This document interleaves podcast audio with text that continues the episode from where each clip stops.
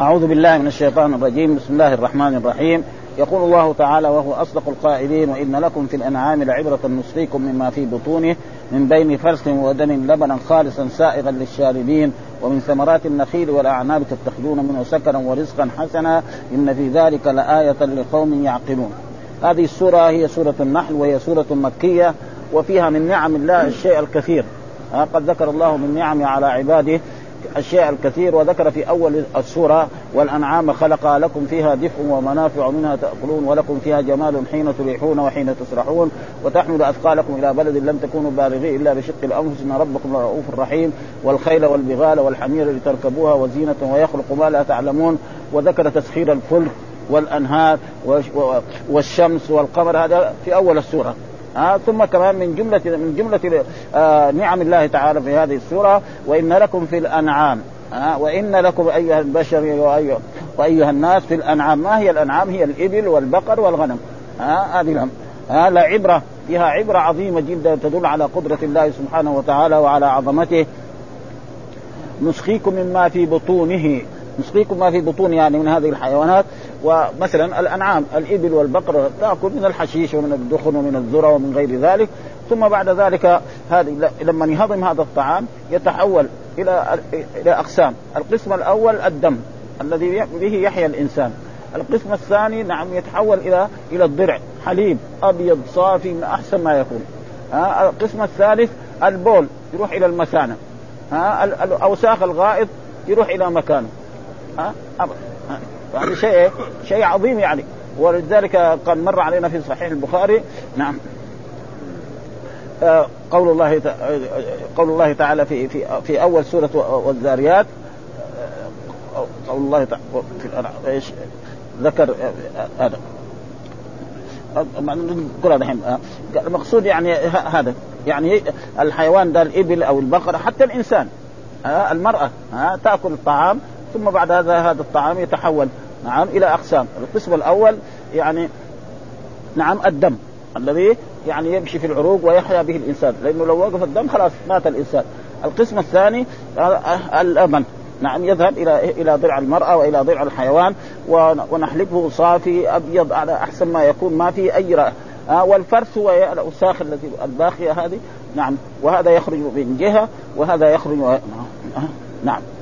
ف... وهذا إيه؟ من بين فرث. الفرث هو إيه؟ الأشياء التي في, في الكرش هذه ولا هذا من بين فرث ودم لبنا خالصا حتى ما يكون فيه رائحة. لأنه مثلا كان ما دام كان كذا يكون في شيء من رائحة الفرث. ابدا ما في أي شيء. ها؟ ها؟ ها؟ ها, ها. هذا. ها؟ سائغا للشارب. يعني واحد أي واحد يشرب الحليب أو يشرب اللبن يجد أجمل ما يكون وكأحسن ما يكون وكألذ ما يكون. حتى أن أن الرسول صلوات الله وسلامه عليه كان إذا أعطي باي طعام أو يقول زدنا من إلا اللبن والحليب ها يعني خيرا منه إلا هذا فيقول لا زدنا منه لأنه هذا يمكن طعام وشراب ويمكن إنسان عربي يحشى بال... يعيش باللبن وبالحليب نعم سنين ولا يجرى له شيء ها يعني عربي ابدا نشأ في البادية يعيش به ها في الصباح يشرب الحليب ولبن وفي المساء كذلك وفي أما غيره ما يمكن. هذاك يشرب فنجان أو ربع كيلو أو هذا ما, ما, يمكن يحيا بهذا فيقول هنا وإن لكم في الأنعام لعبرة نسقيكم ما في بطون من بين فرث ودم لبنا خالصا سائغا للشاربين. وهذا من نعم الله سبحانه وتعالى على عباده. وهذا يعني يتحول إلى هكذا والى ثم قال ومن ثمرات النخيل والأعناب. وكذلك ومن من جملة النعم من ثمرات النخيل. ومعلوم ثمرات النخيل فيها التمر وفيها الرطب وفيها البسر نعم.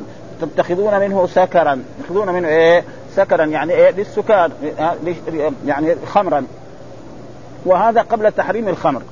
ها فإن الخمر كان جائزا في الأمم السابقة وحتى الرسول صلوات الله وسلامه عليه لما بعث في مكة كانوا يشربون الخمر.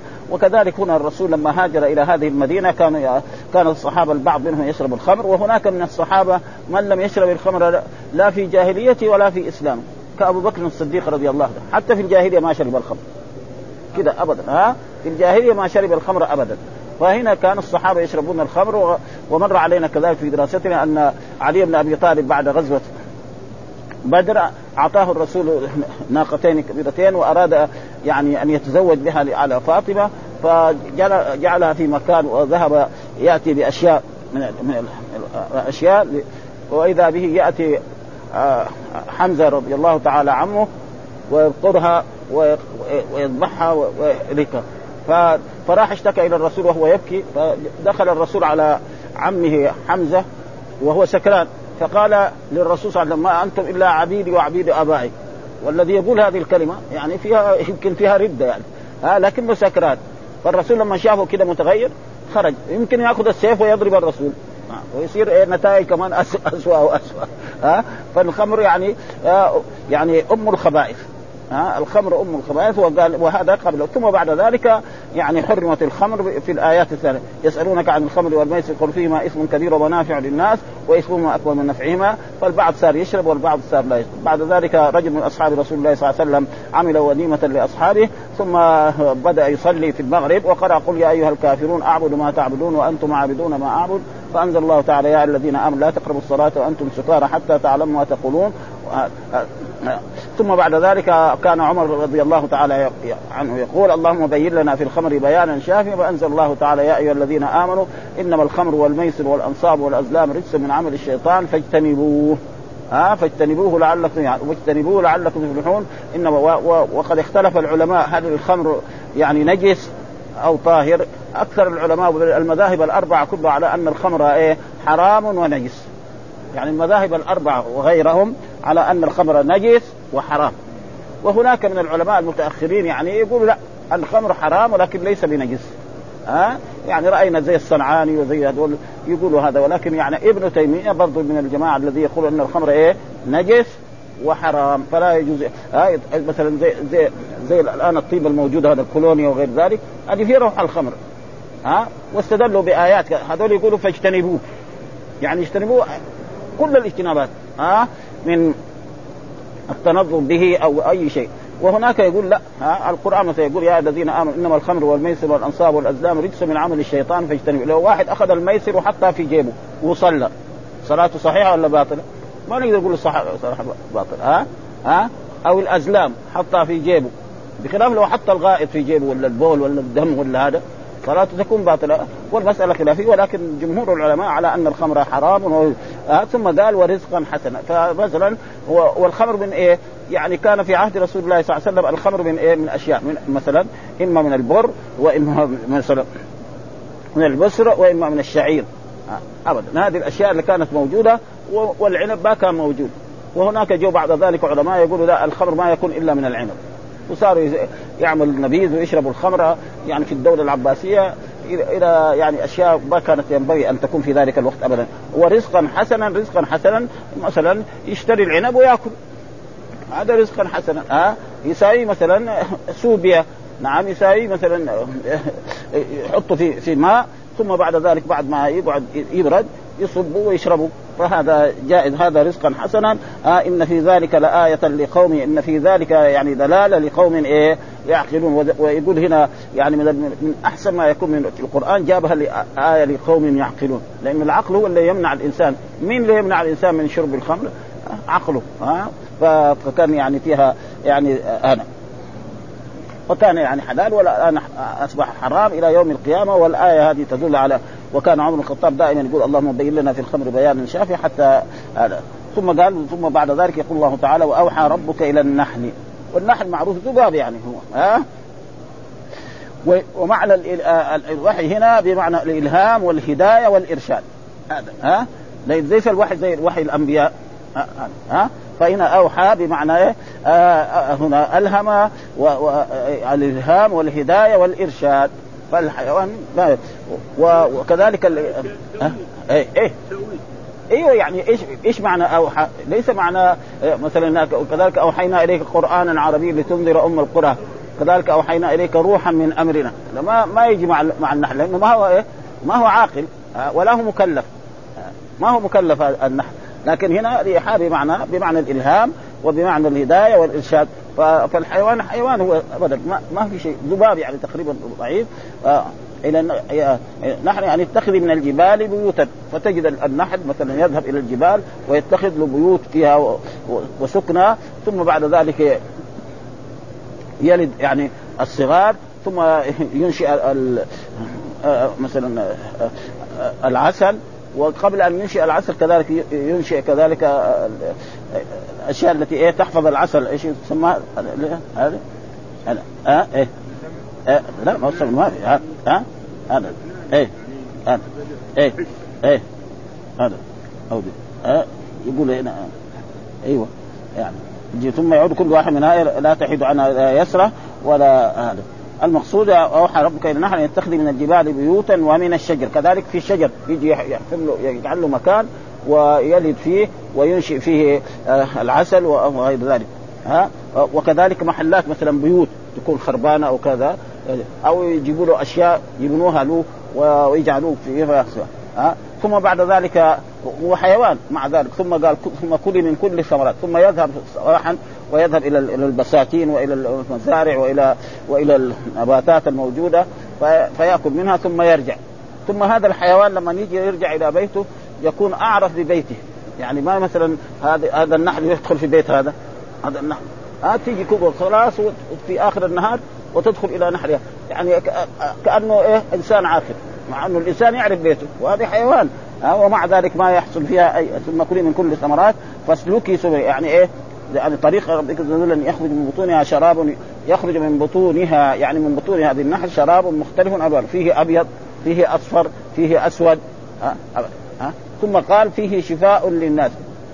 وهذا يعني نص القرآن إنه فيه شفاء للناس والرسول صلى الله عليه وسلم ذكر شفاء أمته في ثلاثة ها في شربة عسل أو كية نار نعم أو, أو آه آه آه نعم يعني الحجامة. هذه الأشياء الثلاثة يعني فيها والرسول كان يكره الكي هو الرسول كان يكره ومع ذلك لما مرض أحد من أصحابه اتى له بإيه؟ بالكوي يكوي. لأن الكي كان علاج يعني ولا يزال إلى الآن. دحين صار كي بطريقة جديدة دحين. أول بالنار دحين بالكهرباء. النار والكهرباء تقريبا هو شيء واحد. ها ها ها ها؟ فتيجي فيه الأبيض وفيه الأسود وفيه ها؟ وكذلك مختلف. يقول أن أن العسل يخرج من فيه. ها؟ و وكذلك يعني أولاده يخرج من الدبر. ذرية العسل. ها؟ وكذلك الشمع. نعم يخرج من الأجنحة. وهو زي ما شفتوا يعني حيوان يعني صغير. فهذا إيش يدل؟ يدل على عظمة الرب سبحانه وتعالى الذي يخلق مثل هذا الأشياء والنمل يعني ينظر الإنسان إلى النمل يعني الصغير هذا ها؟ و ويقول الله تعالى النمل يعني مع مع سليمان يا أيها النمل ادخلوا مساكنكم لا يحتمنكم سليمان وجنوده وهم لا يشعرون فتبسم ضاحكا من قوله وقال وشو الحيوانات الموجودة الآن في العالم والأشياء فهذا كله يدل على إيه؟ على عظمة الرب ثم قال فيه شفاء للناس. ها يقول لو كان قال فيه شفاء فيه شفاء للناس كان يكون من جميع الأمراض. لكن قال فيه شفاء. اذا إيش؟ يداوي مو كل الأمراض. يعني كل الأمراض إيه؟ مثلا الباردة. ها لأن العسل حار وفي أمراض باردة وفي أمراض حار فهذا ينفع فيها. يمكن بعد وقد جاء رجل إلى النبي صلى الله عليه وسلم وقال إنه مريض فقال له الرسول صلى الله عليه وسلم اسقي أخاك عسلا. فسقاه فازداد المرض فراح قال للرسول قال له اسقي عسلا فسقاه عسلا آه فقال كذب بطن أبيك وصدق الله فيه شفاء. ثم بعد ذلك زال. آه كان مثلا بطن فيها خربانة فيها اوساخ وفيها كذا فساوى معاه إسهال شديد. ثم بعد ذلك بعد الإسهال مرة ثانية كمان سقاه زاد في ذلك ثم بعد ذلك وهذا شيء موجود. يعني أي إنسان يتعاطى العسل أقل ما يكون الطبيعة حقته لينة. ما يكون معاه قبض ها شيء مشاهد يعني. أي إنسان يستعمل العلم كل يوم لو يستعمل له ملعقة نعم. ويستمر على ذلك فإن معدته تكون يعني رطبة دائما مرتاح لأنه القبض هذا يسبب امراض كثيرة يعني. ها ثم قال إن في ذلك لآية لقوم يتفكرون. هذا فيه إيه؟ دلالة على عظمة الله وقدرته على هذه الأشياء العظيمة ومن ذلك أنه جعل في هذا النحل يعني أوحى إليه هذه الأشياء والوحي دائما يكون إيه؟ يعني آه يعني آه للأنبياء والرسل صلوات الله وسلامه عليه. ولذلك قال فيه وكذلك أوحينا إليك روحا من أمرنا ما كنت تدري ما الكتاب ولا الإيمان ولكن جعلناه نورا نهدي به. وجاء بعض العلماء المتأخرين كمان من زمان يقول لا ما دام الوحي كل إنسان أوحي إليه فهو نبي إذا كان مثلا عاقل ها وذكر قول الله تعالى لأم موسى عليه السلام يعني وحين إلى أن أرضعيه. فإذا خفت عليه فألقيه في اليم ولا تخافي ولا تحزني. يقولوا هذه الآية يعني فيها نهيان وفيها أمران وفيها بشارتان. هذا. ها؟ أن أرضعيه. هذا أمر. فإذا خفت عليه فألقيه في اليم. هذا أمر. ها؟ ها؟ ولا تخافي. هذا نهي. ولا تحزني. نهي. ها؟ إنا رادوه هذا بشارة. ها؟ ها؟ ابدا يعني واحدة آية فهذا يدل على عظمة هذا الكتاب. ها؟ أبدا ها؟ إن في ذلك لآية فمين يستفيد من القرآن؟ نعم الذين يتفكرون في هذا. ولأجل ذلك أمر الله تعالى بقراءة القرآن وتفهمه والعمل به. ها؟ ولأجل ذلك الرسول صلى الله عليه وسلم أوصى في حجة الوداع نعم إيه بالكتاب والسنة. وقال تركت فيكم ما إن تمسكتم به لن تضلوا بعدي. هذا ها؟ وقال كتاب أنزلناه إليك مبارك ليتدبروا اياته وليتذكر أولو الألباب. فاذا القرآن يجب إيه؟ أن نقرأه وأن نفهمه وأن نعمل به. أما يقرأ كذا على الأموات ويقرأ كذا فهذا وفيه شفاء لنا حتى من الأمراض. وقد ثبت في أحاديث كثيرة عن رسول الله صلى الله عليه وسلم أن بعض الصحابة يعني استضافوا ناس من العرب فلم يضيفوهم. فلدغ سيدهم فذهبوا إلى هؤلاء القراء وقال نحن عندنا سيدنا حصل له كذا. فقال الصحابه نحن لا يعني مجانا ما في إلا فعينوا له قطيعة من الغنم. فالصحابي رضي الله تعالى كان يقرأ الفاتحة.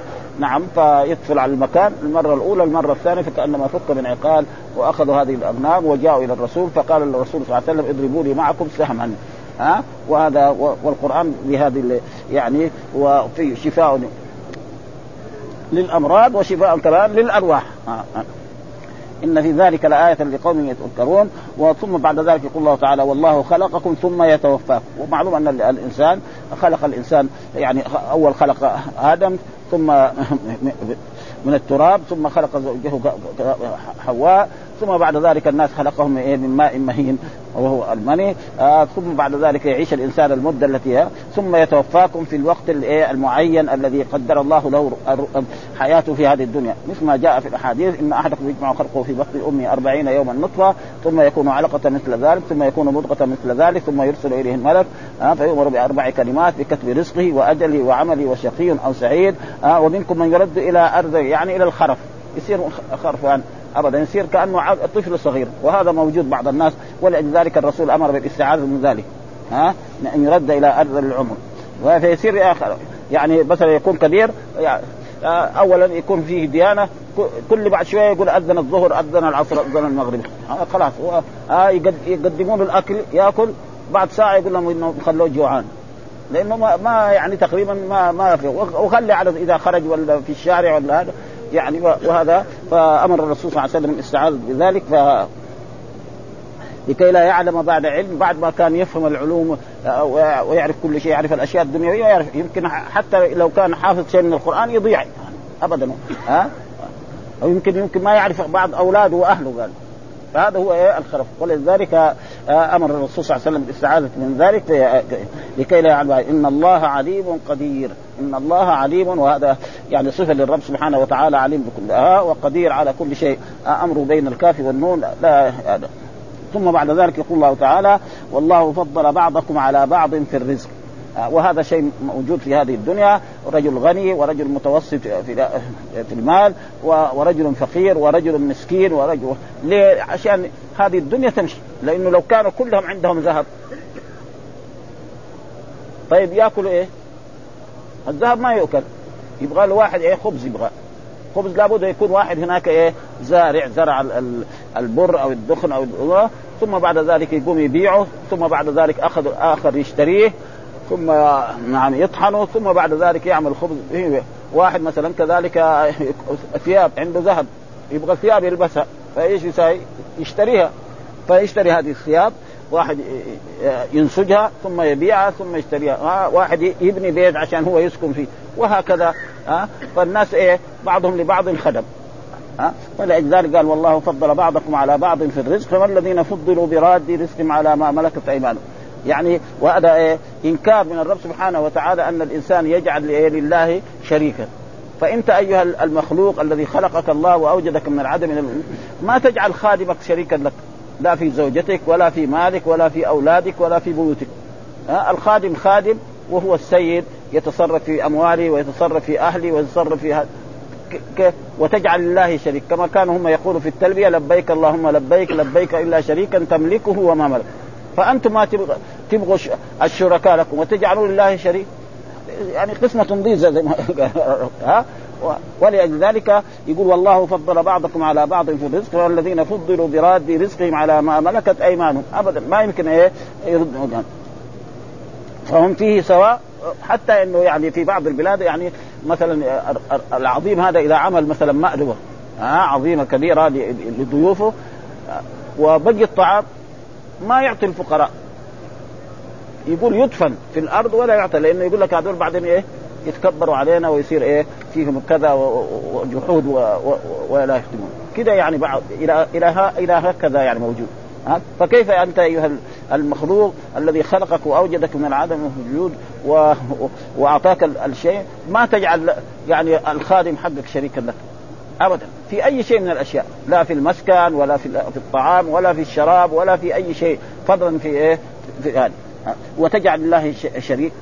فقال فما الذين فضلوا على كتبوا في سواء فبنعمة الله يجحدون. ها؟ بنعمة الله. مين إلا أعطاك هذه الأموال؟ الرب سبحانه وتعالى وهذا الغنى وهذا.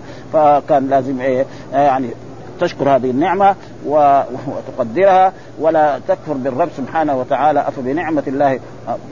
وقال الله تعالى يعني هذه النعم يقدرها ويصرفها للرب سبحانه وتعالى. ثم قال والله جعل لكم من أنفسكم أزواجا. ها وهنا جعل بمعنى خلق.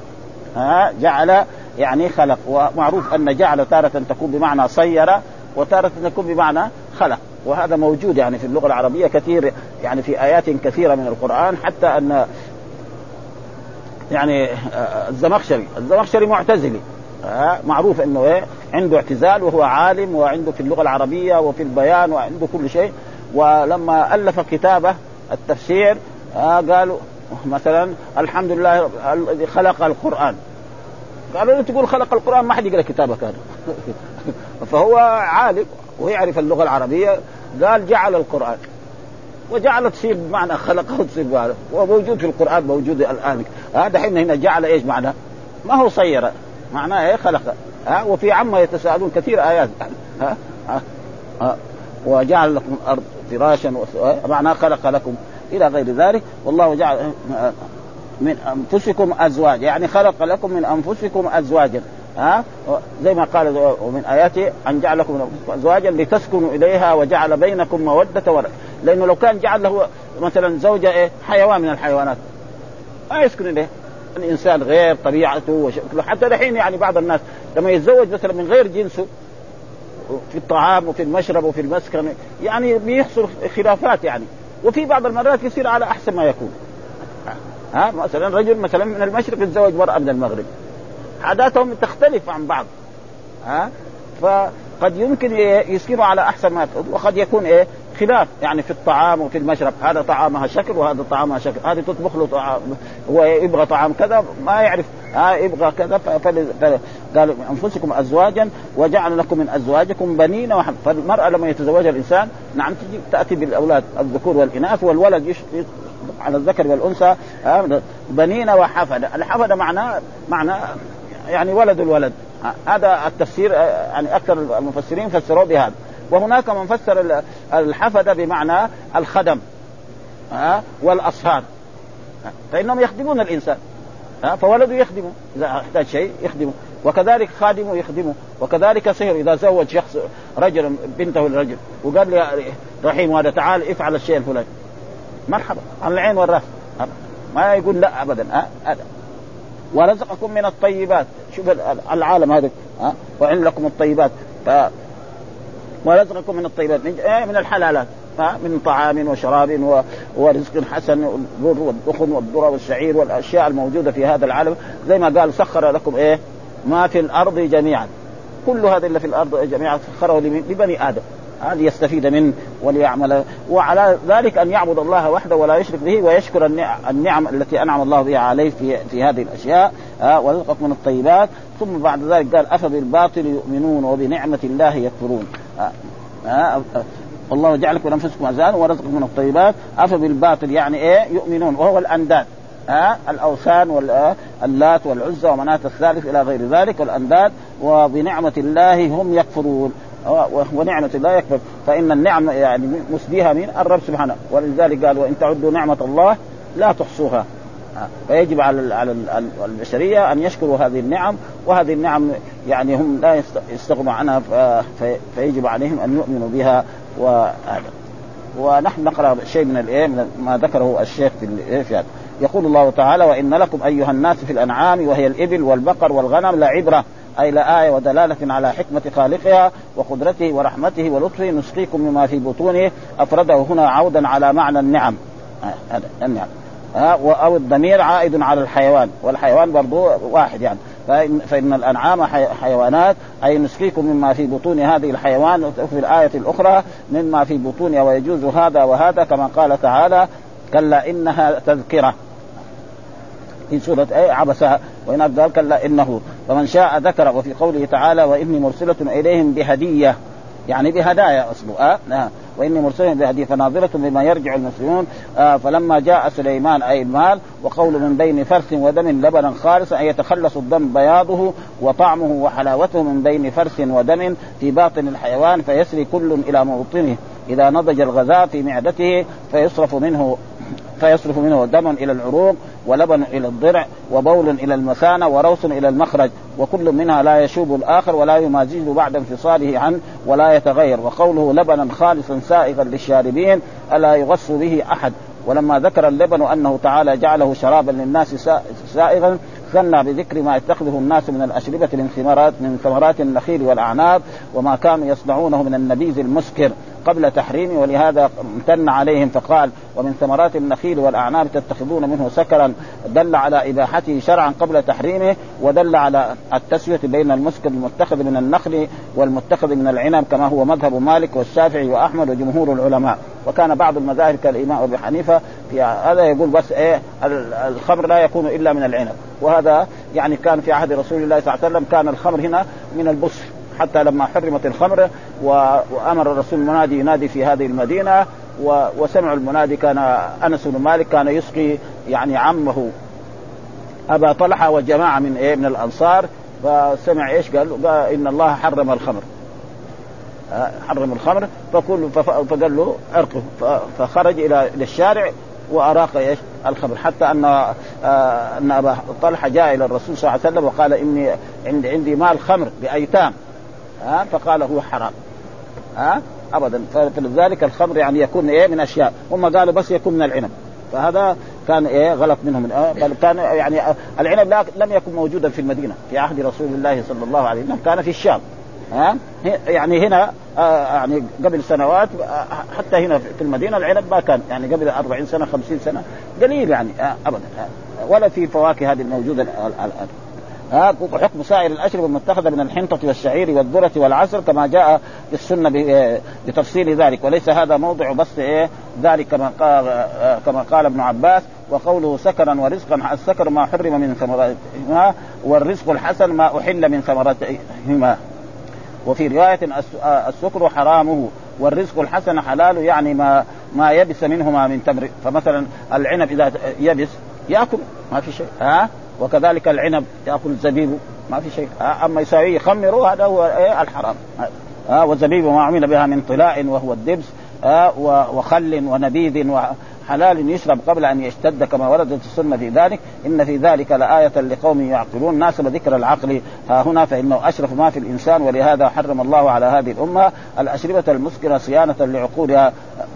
قال الله تعالى وجعلنا فيها جنات من نخيل وأعناب وفجرنا فيها من العيون ليأكلوا من ثمره وما عملته أيديهم أفلا يشكرون. سبحان الذي خلق الأزواج كلها مما تنبت الأرض ومن أنفسهم مما لا. وأوحى ربك إلى النحل أن اتخذي من الجبال بيوتا ومن الشجر ومما يعرشون. ثم كلي من كل الثمرات فاسلكي سبل ربك ذللا يخرج من بطونها شراب مختلف ألوانه. فيه شفاء للناس إن في ذلك لآية لقوم يتفكرون. المراد بالوحي هنا الإلهام والهداية والإرشاد للنحل أن تتخذ من الجبال بيوتا أن تأوي إليها ومن الشجر ومما يعرشون ثم هي محكمة في غاية الإتقان في تسديدها ورصها بحيث لا يكون في بيتها خللا ثم أذن لها تعالى إذن قدريا تسخير أن تأكل من كل الثمرات وأن تسلك الطرق التي جعلها الله تعالى مذللة مسهلة عليها. حيث شاءت من هذا الجو العظيم والبراري الشاسعة والأودية والجبال الشاهقة ثم تعود. كل واحدة منها إلى بيتها لا تحيد عنه يمنة ولا يسرى. ها بل بيتها وما لها فيه من فراخ وعسل فتبني الشمع من أجنحتها وتقي العسل من فيها وتبيض الفراخ من دبرها. يعني شيء هذا عظمة للرب سبحانه. ها الشمع يخرج من الرجلين والأولاد يخرجوا من الدبر وهذاك يخرجوا من الأجدح. فلله سبحانه وتعالى. وكذلك الأشياء التي خرجت الآن ها؟ مثلا الميكروبات الموجودة الآن في الطب هذه. مين اللي خلقها؟ الرب وهم دحين اطلعوا عليها وشافوها في شيء صغير مرة ما يبان إلا بالهذا ها؟ زي ما قال الله تعالى ويخلق ما لا تعلمون. يخلق ما لا تعلمون تدخل هذه الأشياء الحديثة كلها. التلفونات الآلي والطيارات وهذه الأشياء يعني شيء هذا أو هذا أول ما في. لو قيل لإنسان انك إنك تأخذ قطعة من الحديد كده وتتكلم مع شخص في أمريكا؟ ما يمكن. العين هذا شيء ما, ما يحتاج يعني أبدا ها؟ ف وهذا كله ويخلق ما لا تعلمون وهذا كله الرب خلقه لمن؟ لبني آدم يستفيد منه، لكن بشرط إيه يعبد الله ويشكر الله على هذه النعمة، فإذا ما فعل هذا فهذا ها لا تعيد عن آه بل بيتها وما لها ما فيه من من فراخ وعسل فتبني الشمع من آه الشمع من أجنحتها وتقي العسل من فيها وتبيض الفراخ من دبرها ثم تصبح إلى مراعيها. وقال قتاته عبد الرحمن بن زيد فاسلكي سبل سبل ربك ذللا أي مطيعة فجعلاه حالا من السالكة. قال وهو قولي وذللناها لهم فمنها ركوبهم ومنها يأكلون. هذا نعمة. الجمل أقوى من الإنسان. واحد طفل صغير عمره خمس سنوات يجر الجمل. هذا تذليل من الرب سبحانه وإلا وخلي عادة الرجل. ومع ذلك هو في خطر. إذا غ... يعني يعني يقول إذا غضب هو ولا اذى إنسان يعني يحقد ولذلك يقول في المثل ما في أحقد من إيه؟ من البعير. فلو انسان جاء للأنثى ومنعه شخص ما آه فإنه ما ينسى ولو بعد عشر سنين. يوم من الأيام يكون هذا صاحبه نايم يجي يبرك عليه ويقتله. ها؟ ها؟ فلذلك يقول أحقد من البعير لا يوجد ولذلك آه، آه، هذا. وقال ابن جرير كذا القول وقال ابو يعلى الموصلي حدثنا قال رسول الله صلى الله عليه وسلم عمر الذباب أربعون يوما والذباب كله في النار إلا النحل. وقوله يخرج من بطونها شراب مختلف ألوانه فيه شفاء للناس ما بين أبيض وأصفر وأحمر وغير ذلك من من الألوان الحسنة على اختلاف مراعيها وما كره منه. وقوله دحين صاروا يأكلوا السكر فيصير عسل خربان. يعني ما هو أبدا ها؟ أو يساوي كمان سكر يساووه عسل ويبيعوه. غش يعني؟ أنواع يعني فقال بعض من تكلم على الطيب لو قال فيه شفاء للناس لكان دواء لكل داء لكن قال فيه شفاء للناس بالنكرة. ها فيصير إيه؟ للأمراض التي إيه؟ تصلح لها. ولكن قال فيه شفاء للناس آه يصلح لكل أحد من من من أدواء باردة فإنه حار والشيء يداوى بضده وقال مجاهد وابن جرير في قول فيه شفاء للناس يعني القرآن. وهذا صحيح في آيات أخرى. ها؟ وننزل من القرآن ما هو شفاء يعني لإيه؟ للأرواح. ها؟ وكذلك للأبدان.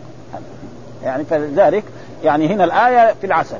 وآيات ثانية نعم ويشفي صدور قوم مؤمنين. يعني بالقرآن.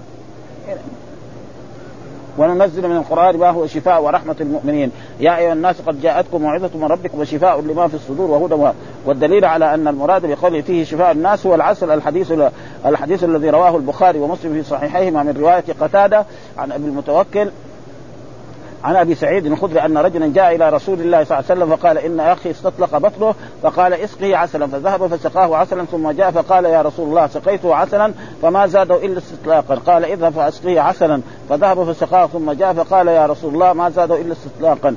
فقال رسول الله صدق الله وكذب بطن أخيك اذهب فاسقه عسلا فذهب فسقاه عسلا فبرئ هذا وقال بعض العلماء الطب الطب كان هذا الرجل عنده فضلات.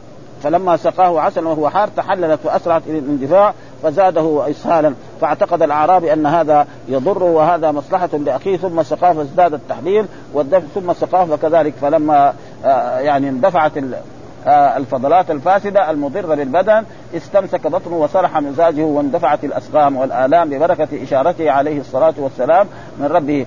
أفضل الصلاة وفي الصحيحين من حديث آه، هشام بن عروة عن أبيه عن عائشة رضي الله تعالى عنها أن رسول الله صلى الله عليه وسلم كان يعجبه الحلواء والعسل وهذا لفظ البخاري وفي صحيح البخاري من حديث سالم بن أفطس عن سعيد بن جبير عن ابن عباس قال قال الشفاء في ثلاث في شرطة محجم أو شربة عسل أو كية بنار وأنهى أمتي عن الكي وقال البخاري في حديثه كذلك عن جابر قال سمعت رسول الله صلى الله عليه وسلم يقول إن في كل شيء من أدويتكم إن كان في شيء من أدويتكم أو يكون في شيء من أدويتكم خير ففي شرطة محجم أو شربة عسل أو لذعة بنار. آه توافق الداء. وما أحب أن أكتوي. وكذلك برضو عن آه ثلاث إن كنا إن كان في شيء شفاء فشرطة محجم أو شربة عسل أو كية نار. هذه تقريبا فيها. ويقول بعد ذلك وننزل من القرآن ما هو شفاء ورحمة للمؤمنين وأنزلنا من السماء ماء مباركا فإن وروينا عن أمير المؤمنين علي بن أبي طالب أنه قال إذا أراد أحدكم الشفاء فليكتب آية من كتاب الله في صفحة ويغسلها بماء السماء. يعني ماء المطر وليأخذ من امرأته درهما عن طيب نفس منها فيشتري به عسلا فيشربه. كذلك فإنه شفاء من وجوه. قال الله تعالى وننزل من القرآن ما هو شفاء ورحمة للمؤمنين وأنزلنا من السماء ماء مباركا وقال فإن طبن لكم عن شيء منه نفس فكلوه هنيئا مريئا فيأخذ إيه درهم من إيه من زوجته. ف ومن لعق العسل ثلاث غدوات في كل شهر لم يصبه عظيم من البلاء. وكذلك إن في ذلك لآية لقوم يتفكرون أي في الإلهام إلهام الله لهذه الدواب. الضعيفة الخلقة إلى السلوك في هذه المهامة والاجتناء من سائر الثمرات ثم جمعها ثم جمعها للشمع والعسل وهو من أطيب الأشياء. لآية لقوم يتفكرون في عظمة خالقها ومقدرها ومسخرها وميسرها. فيستدلون بذلك على أنه الفاعل القادر الحكيم العليم الكريم. والله خلقكم ثم يتوفاكم ومنكم من يرد إلى ارذل العمر لكي لا يعلم بعد علم شيئا. إن الله عليم قدير. يخبر تعالى عن تصرفه في عباد في عباده وأنه هو الذي أنشأهم من العدم ثم بعد ذلك يتوفاهم ومنهم من يتركه حتى يدركه الهرم وهو الضعف في الخلقة كما قال تعالى والله خ... الله الذي خلقكم من ضعف ثم جعل من بعد ضعف قوة ثم جعل من بعد قوة ضعفا وشيبة. الآية. وقد روي عن علي رضي الله تعالى عنه أفضل العمر خمس وسبعون سنة وفي هذا السن يحصل له ضعف القوى والخرف وسوء آه، آه، الحفظ. نعم وقلة العلم ولهذا قال لكي لا يعلم بعد علم شيئا بعدما كان عالما أصبح لا يدري عن شيء من الفند والخرف ولهذا روى البخاري في في روى البخاري عن عند تفسير هذه الآية حدثنا محمد بن موسى إلى عن أنس بن مالك أن رسول الله صلى الله عليه وسلم كان يدعو يقول أعوذ بك من البخل والكسل والهرم وأرذل العمر وعذاب القبر وفتنة الدجال وفتنة المحيا والممات وقال زهير بن أبي سلمى في معلقته المشهورة سئمت تكاليف الحياة ومن يعش ثمانين عاما لا أبالك يسالني ها هذا. والله فضل بعضكم على بعض في الرزق والذين فضلوا براد رزقهم على ما ملكت أيمانهم فهم فيه سواء. أفبنعمة الله يجحدون. يبين تعالى للمشركين جهلهم وكفرهم فيما زعموا لله من الشركاء وهم يعترفون أنها عبيد له كما كانوا يقولون في تلبيتهم في حجهم لبيك لا شريك لك إلا شريكا هو لك تملكه وما ملك. فقال تعالى منكرا عليهم أنتم لا ترضون أن تساووا عبيدكم. فيما رزقناكم فكيف يرضى هو تعالى بمساواة عبيد له في الإلهية والتعظيم؟ كما قال في الآية الأخرى ضرب في سورة آه، الروم ضرب لكم مثلا من أنفسكم هل هل لكم مما ملكت أيمانكم من شركاء فيما رزقناكم فأنتم فيه سواء تخافونهم كخيفتكم أنفسكم؟ أبدا. ها؟ الخادم مثلا إذا يبغى يستأذن يبغى يسافر ما يستأذن الخادم. أبدا. ها؟ فضل يعني ها؟ يبغى يتصرف شيء بماله ما يستأذن الخادم حقه أبدا. فكيف تجعل الله آه، شريكا من إيه؟ من مخلوقاته ويقول في هذه التربية لبيك لا شريك إلا شريكا هو لك تملكه وما ملك. كفى بنعمة الله يجحدون. قال في الرواية الأخرى فكيف ترضون لي؟ ما لا ترضون لأنفسكم؟ وقال مجاهد في هذه الآية مثل الآلهة الباطل. وقال قتادة هذا مثل ضربه الله فهل منكم من أحد يشاركه مملوكه في زوجته وفي فراشه؟ فتعدلون بالله خلقه وعباده فان فإن لم ترضى لنفسك هذا فالله أحق أن ينزه منك. وقول افا بنعمة الله يجحدون أنهم جعلوا لله مما ذرأ من الحرث والأنعام نصيبا فجحدوا نعمه نعمته وأشركوا معه غيره. وعن الحسن البصري قال كتب عمر بن الخطاب رضي الله تعالى عن هذه الرسالة إلى أبي موسى الأشعري واقنع برزقك من الدنيا فإن الرحمن فضل بعض عباده على بعض في الرزق. هذا. لابد أن يكون الناس متفاضلين في الرزق حتى إيه يخدم بعضهم بعضا. وإلا لو كانوا كلهم أغنياء بعد ذلك الموت ياخذهم ما يتقي الخبز ياكلوا لأنه هذاك اللي عنده الأموال الذهب ما يبغى يروح يساوي فلاح ويزرع. خلاص عنده هذا. ولكن إذا ما فهذاك جعله ضعيف يروح يشتغل ويخدم وهذا حتى يحصل إيه شيء من الرزق. وهذاك متوسط وهذا فقير وهذا كذا حتى يصير إيه الدنيا هذه تمشي على ما يرام حتى كل واحد هذا آه آه ثم قال والله جعل لكم من أنفسكم أزواجا وجعل لكم من أزواجكم بنين وحفدا ورزقكم من الطيبات أفبالباطل يذكر تعالى نعمه على عبيده بأن جعل لهم من أنفسهم أزواجا من جنسهم وشكلهم ولو جعل الأزواج من نوع آخر ما حصل الائتلاف والمودة والرحمة ولكن من رحمته خلق من آدم ذكورا وإناثا وجعل الإناث أزواجا للذكور ثم ذكر تعالى أنه جعل من الأزواج البنين والحفدا وهم الأولاد وهم الأولاد البنين أولاد البنين. قال ابن عباس وعكرمة والحسن والضحاك وابن زيد قال شعبه عن بشر عن سعيد بن جبير وحفدهم الولد وولد الولد.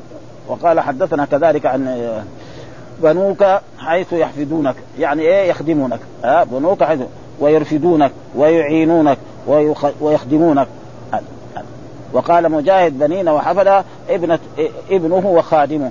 برضو الحفيد يعني قد يسمى الخادم لأن الخادم كذلك يخدم الإنسان كما أن الإبن يخدم الإنسان وكما أن الصهر كذلك يخدم الإنسان. ها؟ الصهر كذلك. وقال في الرواية الحفظ الأنصار والأعوان والخدم وقال طاووس وغير واحد الحفظة الخدم. وكذا قال قتادة وأبو مالك والحسن البصري وقال عبد الرزاق أنبأنا معمر عن الحكم أنه قال الحفظة من خدم من خدمك ومن ولدك وولد ولدك وقال الضحاك إنما كانت العرب تخدمها. بنوها وقال العوفي عن ابن عباس جعل لكم من جعل لكم من أزواجكم بنين وحفدا. يقال بنو امرأة الرجل. آه ليسوا من. ويقال الحفد الرجل يعمل بين يدي الرجل الخادم يعني. ويقال فلان يحفد لنا أي يعمل لنا. وقد زعم وزعم رجال أن الحفد اختان أختان الرجل أختان أختان الرجل. وهذا الأخير الذي ذكره ابن عباس. قال ابن مسعود وابو الضحى وابراهيم النخعي وسعيد بن جبير ومجاهد والقرطبي وغير ذلك آه وهذه الأقوال كلها داخلة في معنى الحفده وهو الخدمة الذي منه قوله تعالى في القنوت وإليك نسعى ونحفد ها ها في في, القنوت الذي يقوله المالكية في إيه؟ في صلاة الفجر في إيه؟ ولما كانت الخدمة قد تكون من الأولاد والخدم والاصهار فالنعمة حاصلة بهذا كله ولهذا قال وجعل لكم من أزواجكم بنين وحفدة قلت فمن جعل حفدة متعلقا بأزواج فلا بد أن يكون المراد الأولاد وأولاد الأولاد والأولاد والاصهار لأنهم أزواج البنات وأولاد الزوجة وكذلك قال الشعبي والضحاك فإنهم يكونون غالبا تحت كنف الرجل في وفي خدمته وقد يكون هذا هو المراد من قوله تعالى في حديث نظرة ابن أكتم والولد عبد لك. ها ها وجاء في الأحاديث أنت ومالك لأبيك. أنت ومالك لأبيك رجل جاء إلى النبي صلى الله عليه وسلم وقال إن أبي يجتاح مالي. يعني يأخذ مالي ولا يخلي لي ولا شيء. فقال أنت ومالك لأبيك. لكن دحين في هذا العصر لا آآ آآ يعني الأولاد يبغوا من الآباء. ها يعني دحين خلى يعني يعني يعني الأب يأخذ أكثرهم يعني. يعني هم يبغوا منها ولو كان الأب كبير وهذا يبغوا منه يبغى يبغى يزوجه يشتري له سيارة كمان. كده يعني أصبحت المسألة منعكسة يعني ما ما هي يعني ها قال وضرب لكم ضرب الله مثلا رجلين أحدهما ابكم إلى قوله وهو على صراط مستقيم. وعثمان بن عفان قال الابكم الذي أينما يوجه لا يأتي بخير وقال هو مولى لعثمان بن عفان وكان عثمان ينفق عليه ويكرهه ويكفيه المؤونة وكان الآخر يكره الإسلام ويأباه وينهاه عن الصدقة والمعروف فنزلت فيهما. ها؟ يعني لا لازم الحمد لله رب العالمين وصلى الله وسلم على نبينا محمد وعلى آله وصحبه وسلم.